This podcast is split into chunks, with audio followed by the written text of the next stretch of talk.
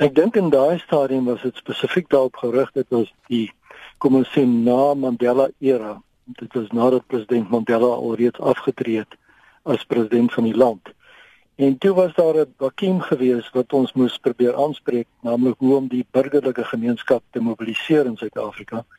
En die hele idee wat ons toe gehad het was om mense soos Mandela en destyds ook oud president Bill Clinton te betrek om te sê wat is die belangrikheid van burgerlike gemeenskap.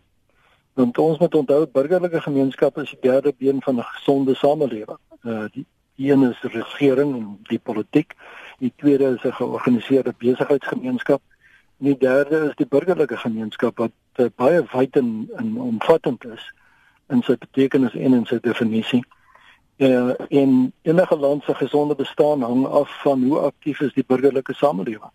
Kom ons kyk nou hoe effektief hulle is. Ons het ook soveel verskillende groepe wat dieselfde ding wil doen. Jy weet, ons het Open Democracy Advice Center, ons het die Freedom of Information Institute, ons het Media Monitoring Africa, ons het Save South Africa.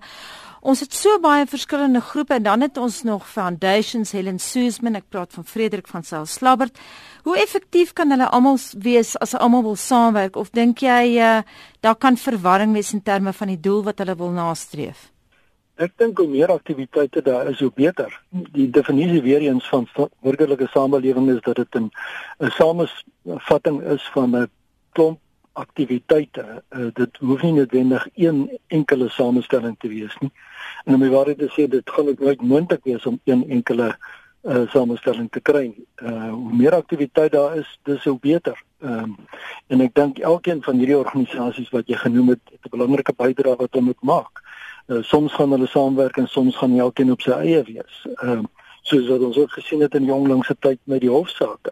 Hulle Sisman Foundation byvoorbeeld het 'n uiters belangrike rol gespeel met die met die sake wat hulle na die konstitusionele hof geneem het en geslaag het mee om daardeur die burgerlike samelewing eintlik uh, bloot te stel aan die aan die voordeel van die regsproses.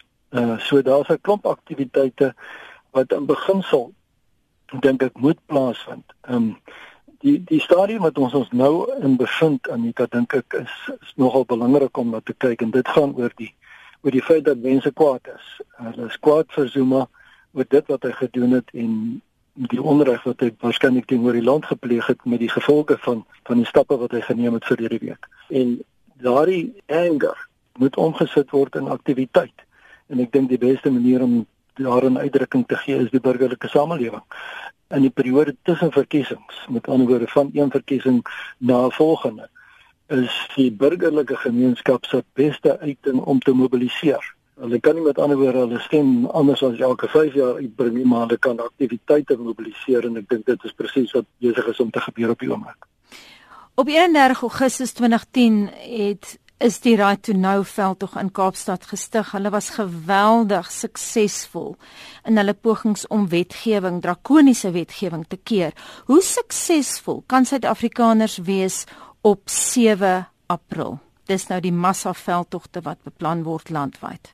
Ek dink daai boodskap wat uh, wat uitgaan is nie net op 31 Augustus 2010 wat ons het gesien maar ook uh op 'n verskeidenheid van wyse daarna wat uitgeloop het op uh op 'n ernstige uitspraak teenoor die regering uh in die munisipale verkiesings verlede jaar. Ander kant daai mobilisasie aksies vind sy neerslag van tyd tot tyd by wyse van verkiesings uh, stem. En ek dink uh, wat ons gaan sien eerskomende Vrydag uh, is weer eens so 'n uh, uh, massale mobilisering van mense se se se se anger, soos ek reeds gesê het, en dit kan 'n bepalende uitwerking hê in toekomstige verkiesings. Dink jy die Zuma administrasie gaan hom hoegenaamd steur daaraan? nie noodwendig hy of sy administrasie nie, maar in die parlement kan daar neerslag vind daarvan indien die stemming plaasvind oor wyse van wantroue en hom. En ek dink dit kan neerslag vind selfs in uh uitsprake wat vorentoe van die NK van die ANC gemaak kan word. So as as Zuma dit in sy administrasie dit gaan ignoreer, is my vermoede dit kan tot hulle nadeel wees. Uh die feit dat daar binne in ANC geleedere die uitsprake gemaak word wat tans plaasvind of het dit nog nooit van tevore gesien nie. Ek kyk na Grady Montash uh, se verklaring na aanleiding van Mabuza se uitsprake oor die naweek. En uh, dit is uh, dit is baie sterk uitsprake en dit gaan neerslag vind in die burgerlike gemeenskap. Mense gaan nie meer stil bly en stil sit nie.